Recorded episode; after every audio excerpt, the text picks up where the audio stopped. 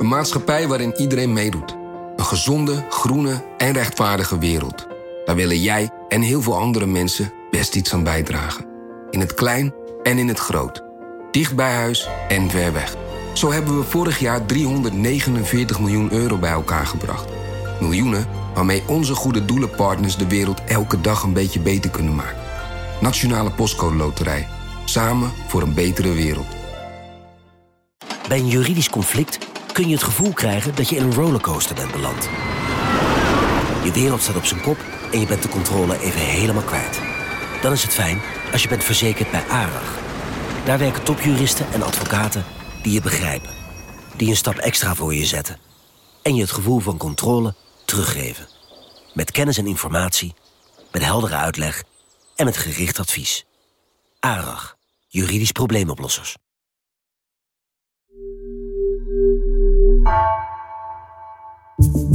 Vanaf de redactie van NRC het verhaal van vandaag. Mijn naam is Floor Boon.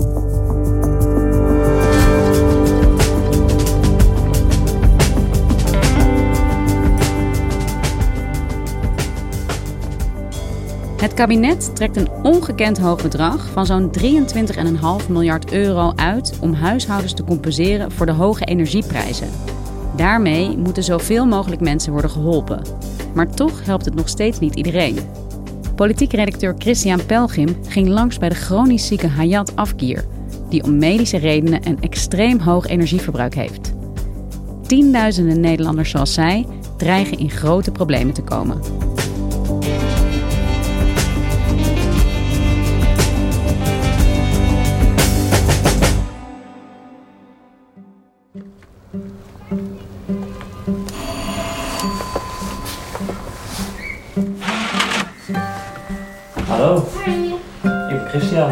Hoi. Hallo. Dankjewel. Ik was begin deze week op zoek bij Hayat, een vrouw van eh 40 jaar. Ze werkt bij de overheid als preventieadviseur. Maar wat ook belangrijk is in haar leven is dat ze een eh, progressieve spierziekte heeft. Heel kort gezegd mis ik een eiwit in mijn DNA. Mijn eh, zenuwen sterven langzaam af doordat ik dat eiwit zeg maar niet heb. En ze woont in Pijnakker in een eh, gelijkvloerse aangepaste woning. Het begon al met de deur die automatisch open gaat. Alle andere deuren in haar huis gaan ook automatisch open, elektrisch. En voor de rest staat haar hele huis eigenlijk vol met apparatuur. Dat is mijn hoesmachine. En dat gebruik ik om mijn longen te trainen, open te zetten. Want ik adem zelf niet genoeg diep in om zeg maar, ook de onderste longvelden open te krijgen of open te houden. Dus dat doe ik twee keer per dag. En dan heb ik nou ja, mijn rolstoel, die om de twee dagen opgeladen moet worden. Die moet echt acht uur aan de stroom. En dan heb ik mijn bed, is elektrisch, hooglaagbed zodat de zorgverleners op hoogte kunnen werken. En de hoofdsteun kan ik ermee ook bedienen. Maar die zit eigenlijk ook 24-7 in de stroom. Naast mijn bed heb ik een intercomsysteem. Daar kan ik de zorg mee oproepen. Dus ja, die kan ik die uitzetten.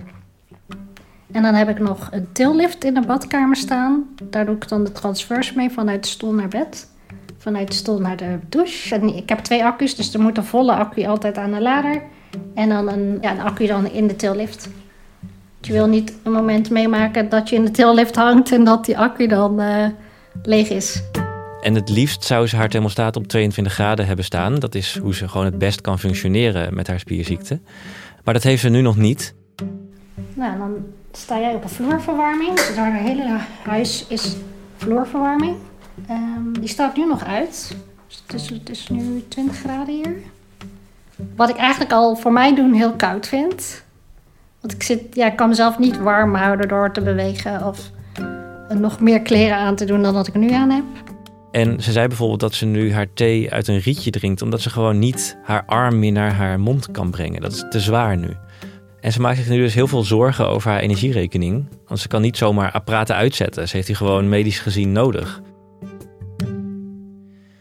En op Prinsjesdag heeft het kabinet al een prijsplafond aangekondigd voor de energierekening. Dat je tot een bepaald verbruik gewoon een vaste lage prijs betaalt en dat de overheid daarna bijlegt op de energierekening. En dinsdag is bekendgemaakt dat het kabinet nog eens 23 miljard daarvoor gaat uittrekken om het nog ruimer te maken. Goedenavond. Eerst kon het niet, maar nu trekt het kabinet tientallen miljarden uit om Nederlandse huishoudens de winter door te helpen. Twee weken geleden werd bekend dat er een prijsplafond zou komen. Vandaag blijkt dat steunpakket een stuk royaler dan in eerste instantie de bedoeling was. Maar voor Hayat, die verbruikt zoveel stroom dat zij nog steeds ver boven dat plafond uitkomt. En dat voor haar, voor een groot deel van haar stroomverbruik, nog steeds de volle prijs betaald moet worden. En dat geldt niet alleen voor Hayat. Dat geldt voor veel meer mensen in Nederland die een chronische ziekte hebben of een handicap. Ja, Christian, jij uh, werkt in Den Haag op de politieke redactie. Je schrijft over sociaal-economische thema's en houdt je nu ook bezig met uh, dit element, hè, de energierekening van mensen, wat dat betekent voor ze. Je noemt net 23 miljard euro. Dat is echt ongelooflijk veel geld. Ik, ik zat te lezen en er staat ook uh, bij ons in de krant dat dat meer is dan het jaarbudget van een ministerie als Defensie of van Justitie en Veiligheid. echt ongehoord. Maar voordat we daar even wat verder op ingaan, kun je ons eerst eens vertellen hoe het eigenlijk precies zit met dat prijsplafond. Hoe werkt het? Nou, het idee erachter is dat de prijzen van energie nu zo grillig zijn en zo wispelturig dat consumenten daar te veel onzekerheid over hebben. Dat die zo hoog kan oplopen dat je maandbedragen van 500, eh, 600 euro per maand tegemoet uh, kan zien. Ook al heb je misschien helemaal niet zo'n gek verbruik, maar gewoon een oud huis. Dus de overheid wil daar zekerheid over geven. Die zeggen als jij een verbruik hebt dat niet al te gek is, dan gaan wij ervoor zorgen dat er een maximumbedrag is dat jij hoeft te betalen. En daarboven is onze zorg, is ons risico. Ja, en hier kom je eigenlijk al op een, nou ja, een, een interessant punt. En als jouw verbruik niet te gek is, wat is dan volgens de overheid niet te gek? Ja, het kabinet heeft voor Prinsjesdag gekeken waar moeten we een grens leggen dat de helft van de huishoudens volledig onder dat prijsplafond valt. Dus dat de helft van de huishoudens alleen maar dat lage tarief betaalt. En toen zijn ze uitgekomen op 1200 kub gas en 2400 kilowattuur stroom. Maar ja, je verbruik is voor een heel groot deel afhankelijk van hoe groot is je huis, hoe goed is het geïsoleerd. En natuurlijk, uh, ja, hoe vaak ben je thuis, hoe hoog zet je de thermostaat dan, hoeveel apparaten uh, gebruik je. Dat is heel verschillend. Maar die ja, soort niet te veranderen elementen, zoals hoe groot je huis is of hoe goed geïsoleerd, nou dat kan je wel veranderen, maar niet meteen. Ja. Daar zijn geen aparte knopjes voor. Daar is niet een, iets uh, op maat. Nee, en dat is heel lastig voor de overheid om, om te zeggen voor elk huishouden een aparte compensatieregeling. Dat, dat, dat kunnen ze gewoon niet. Dus hebben ze het inderdaad heel generiek gemaakt, zodat het heel snel uit te voeren is. En hoe zit het nu met die verhoging die er is aangekondigd? Wat betekent dit voor de hoeveelheid mensen die straks onder dat plafond zullen vallen? Dat zullen er veel meer zijn. Het is niet precies bekend hoeveel meer. Dat is nog niet uh, precies gecommuniceerd. Maar het zal ook heel veel mensen gaan helpen die het niet per se nodig hebben. Dat is meteen ook het, het ingewikkelde hiervan. Want eigenlijk zou het kabinet het liefst willen dat er een soort prikkel blijft voor mensen om toch die thermostaat een lager te zetten. Dat is nu wel de vraag, in hoeverre dat gaat gebeuren. Ja, want als we even kijken naar de mensen die eronder gaan vallen, dat zijn er aardig wat. Maar je begint je verhaal met Hayat, iemand die heel duidelijk niet onder dit plafond gaat vallen. Hoe ziet die groep eruit waarvan we eigenlijk nu al weten dat ze toch een behoorlijk hoge rekening gaan betalen straks? Ja, die groep is heel divers. Er zitten dus heel veel mensen bij die een goed inkomen hebben, een groot huis en die die extra kosten prima kunnen dragen. Maar er zitten ook mensen bij die nu op zich aardig rondkomen, maar straks niet meer. Als je een groot gezin hebt, in een groot huis woont dat slecht geïsoleerd is, dan heb je hier ook last van. Je hebt bijvoorbeeld um, woongroepen en studentenhuizen die met heel veel mensen achter één energiemeter zitten. Dan kom je ook ver boven dat prijsplafond uit. Zijn allemaal van die groepen waar het kabinet nu echt nog naar moet kijken van kunnen we daar wat mee? Of niet? Of als je in een huurwoning zit en je kan niet zelf je huis gaan uh, isoleren, maar bent afhankelijk van een huurbaas die dat misschien niet doet. Ja, precies. En dat is echt een heel ingewikkeld probleem waar woningcorporaties op zich ook wel mee bezig zijn. Maar ja, dan heb je weer personeelstekorten. Dus zelfs als woningcorporaties alles op alles zetten om al die huizen te gaan isoleren, dan duurt dat gewoon jaren. Ja, en dan heb je dus de groep waar jij ook mee begon, uh, waar Hayat toe behoort. Groepen uh, chronisch zieke mensen, die, die zijn al kwetsbaar, zou je kunnen zeggen. Ja, Hayat heeft dan een baan, maar je hebt ook heel veel chronisch zieken die niet kunnen werken, die afhankelijk zijn van een uitkering. Nou, dat is over het algemeen geen vetpot. En je hebt veel chronisch zieken die alleen in deeltijd kunnen werken, omdat het anders gewoon te zwaar voor ze wordt. Nou, dan kun je ook niet een heel hoog inkomen verkrijgen. Nee, en dan raak je eigenlijk nog sneller in de problemen als je energierekening ineens door het dak gaat. Ja, het zijn vaak mensen die toch al wat minder marges hebben, die toch al wat minder geld opzij kunnen leggen elke maand. Ja, en als je energiekosten dan verdriedubbelen, dan, dan, ja, dan lukt het gewoon niet meer. Nou, ik vraag me af hoe, hoe ik het ga betalen zonder, uh, nou ja, failliet te gaan eigenlijk. Want ik ben iets meer gaan werken.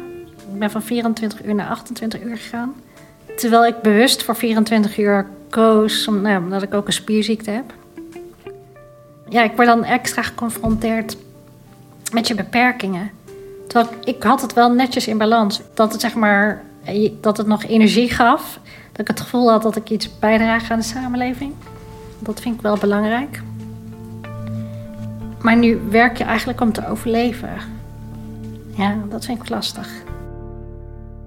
En hoeveel, om hoeveel mensen gaat het eigenlijk? Hè? Als we even die groep chronisch zieken hier nu apart nemen, hoeveel mensen zijn dat?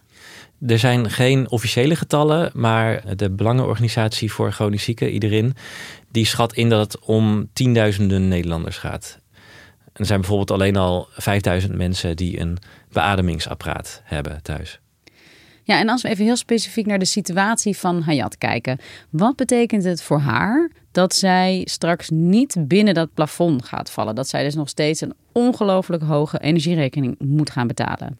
Ja, het brengt gewoon heel veel onzekerheid met zich mee voor haar. Want de echt grote apparaten, die kan ze niet uitzetten. Ik woon hier alleen en mijn verbruik dat schommelt tussen de 6000 en 6500, zag ik in de afgelopen jaren dan denk ik, ja, dat moet haast wel die dingen zijn die constant aanstaan. En ze heeft dus ook een aangepaste woning, die op zich best ruim is voor haar. Dus dat is toch meer ruimte om te verwarmen. Maar dat soort aangepaste woningen is ook heel schaars.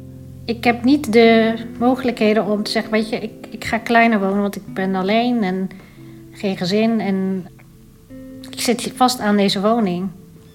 Dus ik, dan denk ik, ja, hoe blijf ik daaronder? Onder die 2400 energieverbruik. Ik wil met alle liefde dingen uitzetten die ik niet nodig heb. Maar dingen die ik nodig heb, ja, die kan ik dus niet uitzetten. Haar termijnbedrag staat nu op 200 euro per maand. En dat was jarenlang uh, ruim. Dan kreeg ze altijd wat geld terug bij de jaarafrekening. Maar nu ziet ze in haar Eneco-app bedragen van boven de 600 euro. Nou, daar was echt enorm van geschrokken. En ze vreest nu wel voor de, voor de jaarafrekening die in maart gaat komen ik heb het idee dat mensen die nu gewoon financieel daadkrachtig zijn, ja, straks in de schuldsanering komen. Ik hoop niet dat het zover komt, maar dat is wel een enge gedachte, ja. En dinsdag kregen we te horen dat dat prijsplafond uh, wordt verhoogd. Dat de overheid nog veel meer geld uh, uh, verstrekt in de vorm van subsidies om ja, de energierekening van mensen te betalen. Je vertelde al dat het een hele generieke maatregel is. Hoe zinvol is het nou eigenlijk om zoiets te doen? Om zoveel geld eenmalig uit te keren? Nou, het zal heel veel mensen wel heel erg helpen. Want over het algemeen is het inderdaad wel zo dat uh, de lagere inkomens een lager uh, energieverbruik hebben en de hogere inkomens een hoger energieverbruik. Dus gemiddeld genomen gaan heel veel mensen hier baat bij hebben. Maar goed, er zijn altijd mensen die niet gemiddeld zijn. Ja, dus dat betekent ook dat er mensen ja, eigenlijk gesubsidieerd worden terwijl ze het helemaal niet nodig hebben. Precies, dat is eigenlijk de omgekeerde kant van dit verhaal van Hayat. Kijk, ik wil niets vergelijken, maar ik vind dat de doelgroep waar ik onder val heel vaak vergeten wordt. Terwijl we participatie zo belangrijk vinden in Nederland. Tenminste, dat wordt gezegd. En als je dan weer vergeten wordt of je wordt geconfronteerd met bedragen waar geen rekening mee is gehouden. Ja, dat doet wel iets met je. En Christian, uh, gisteren begonnen de algemene financiële beschouwingen. Uh, ja, dat is een jaarlijks terugkerend debat waarin uh, de rijksbegroting wordt gedebatteerd, zeg maar in het parlement. Ja. Vandaag wordt ook dit onderwerp verder besproken. En wat denk jij, zit er nog beweging in om de groep waar ook nu Hayat toe behoort, dus de chronisch zieken, toch ja, beter te bedienen als het gaat over dit prijsplafond? Ja, je ziet dat er heel veel politieke druk is om zo ruimhartig mogelijk te zijn. Nou ja, en daaraan zie je dus ook dat dat plafond deze week weer hoger is geworden. En je ziet dat een paar oppositieleden toch ook heel erg opkomen voor, voor deze groepen. En een van die Kamerleden was Pieter Omzicht. Wilt u ook zorgen voor mensen in een tochtige huurwoning? Of mensen die veel elektriciteit nodig hebben voor de elektrische rolstoel, de verwarming of de thuisnierdialyse omdat ze ziek zijn? En er wordt nu dus wel over nagedacht, over deze groep, door ambtenaren van het ministerie van Volksgezondheid. Die zijn ook in gesprek met bijvoorbeeld de zorgverzekeraars. Want zij weten wie bijvoorbeeld eh, beademingsapparaten hebben of nierdialyseapparaten. En voor sommige apparaten bestaat er nu al een stroomvergoeding, die een stuk lager is dan de, dan de echte stroomprijs. Maar die vergoeding zou bijvoorbeeld omhoog kunnen of uitgebreid worden, dat, meer, dat voor meer apparaten een stroomvergoeding zou komen. Dus dat is een oplossing waaraan gedacht wordt, maar die nog niet zeker is. En hoe beleeft Hayat deze twee dagen? Zit ze echt met spanning die financiële beschouwingen te volgen? Of gaat ze gewoon naar de werk en denkt ze, nou ja, ik hoor wel wat eruit komt? Ja, het is niet zo dat zij een, een, een politieke junkie is die die debatten uh, live volgt. Maar ja, ze vindt het wel heel spannend of er inderdaad een oplossing gaat komen voor haar groep vanuit het kabinet. Want dat is nu nog niet duidelijk. Op het moment dat jij een heel laag inkomen hebt, dan kun je bijvoorbeeld nog aankloppen bij de gemeente voor bijzondere bijstand. Um, maar je hebt dus ook mensen zoals Hayat die een prima inkomen hebben, die niet onder dat armoedebeleid vallen, maar die hun uitgaven zo hard zien stijgen dat ze wel in de problemen komen. De vraag is, wat moeten zij doen? En nou ja, ik weet het eigenlijk ook niet. Nou, ik hoop dat er wel iets eerder een oplossing komt, maar dan echt concreet.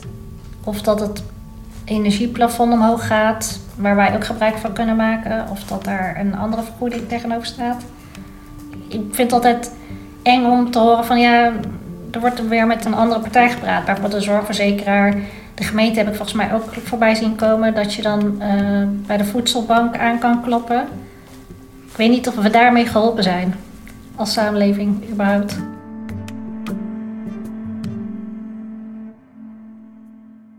Dankjewel, Christian. Graag gedaan.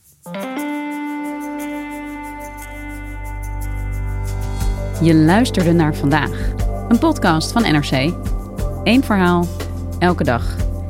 Deze aflevering werd gemaakt door Anna Korterink, Ruben Pest en Bas van Win. Dit was vandaag. Morgen weer.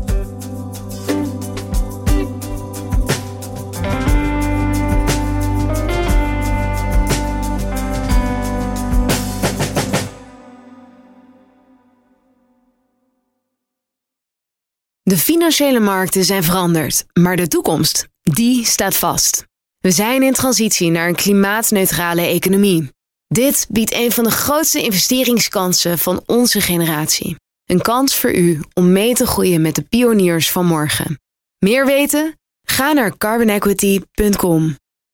Carbon Equity. Do good by investing better.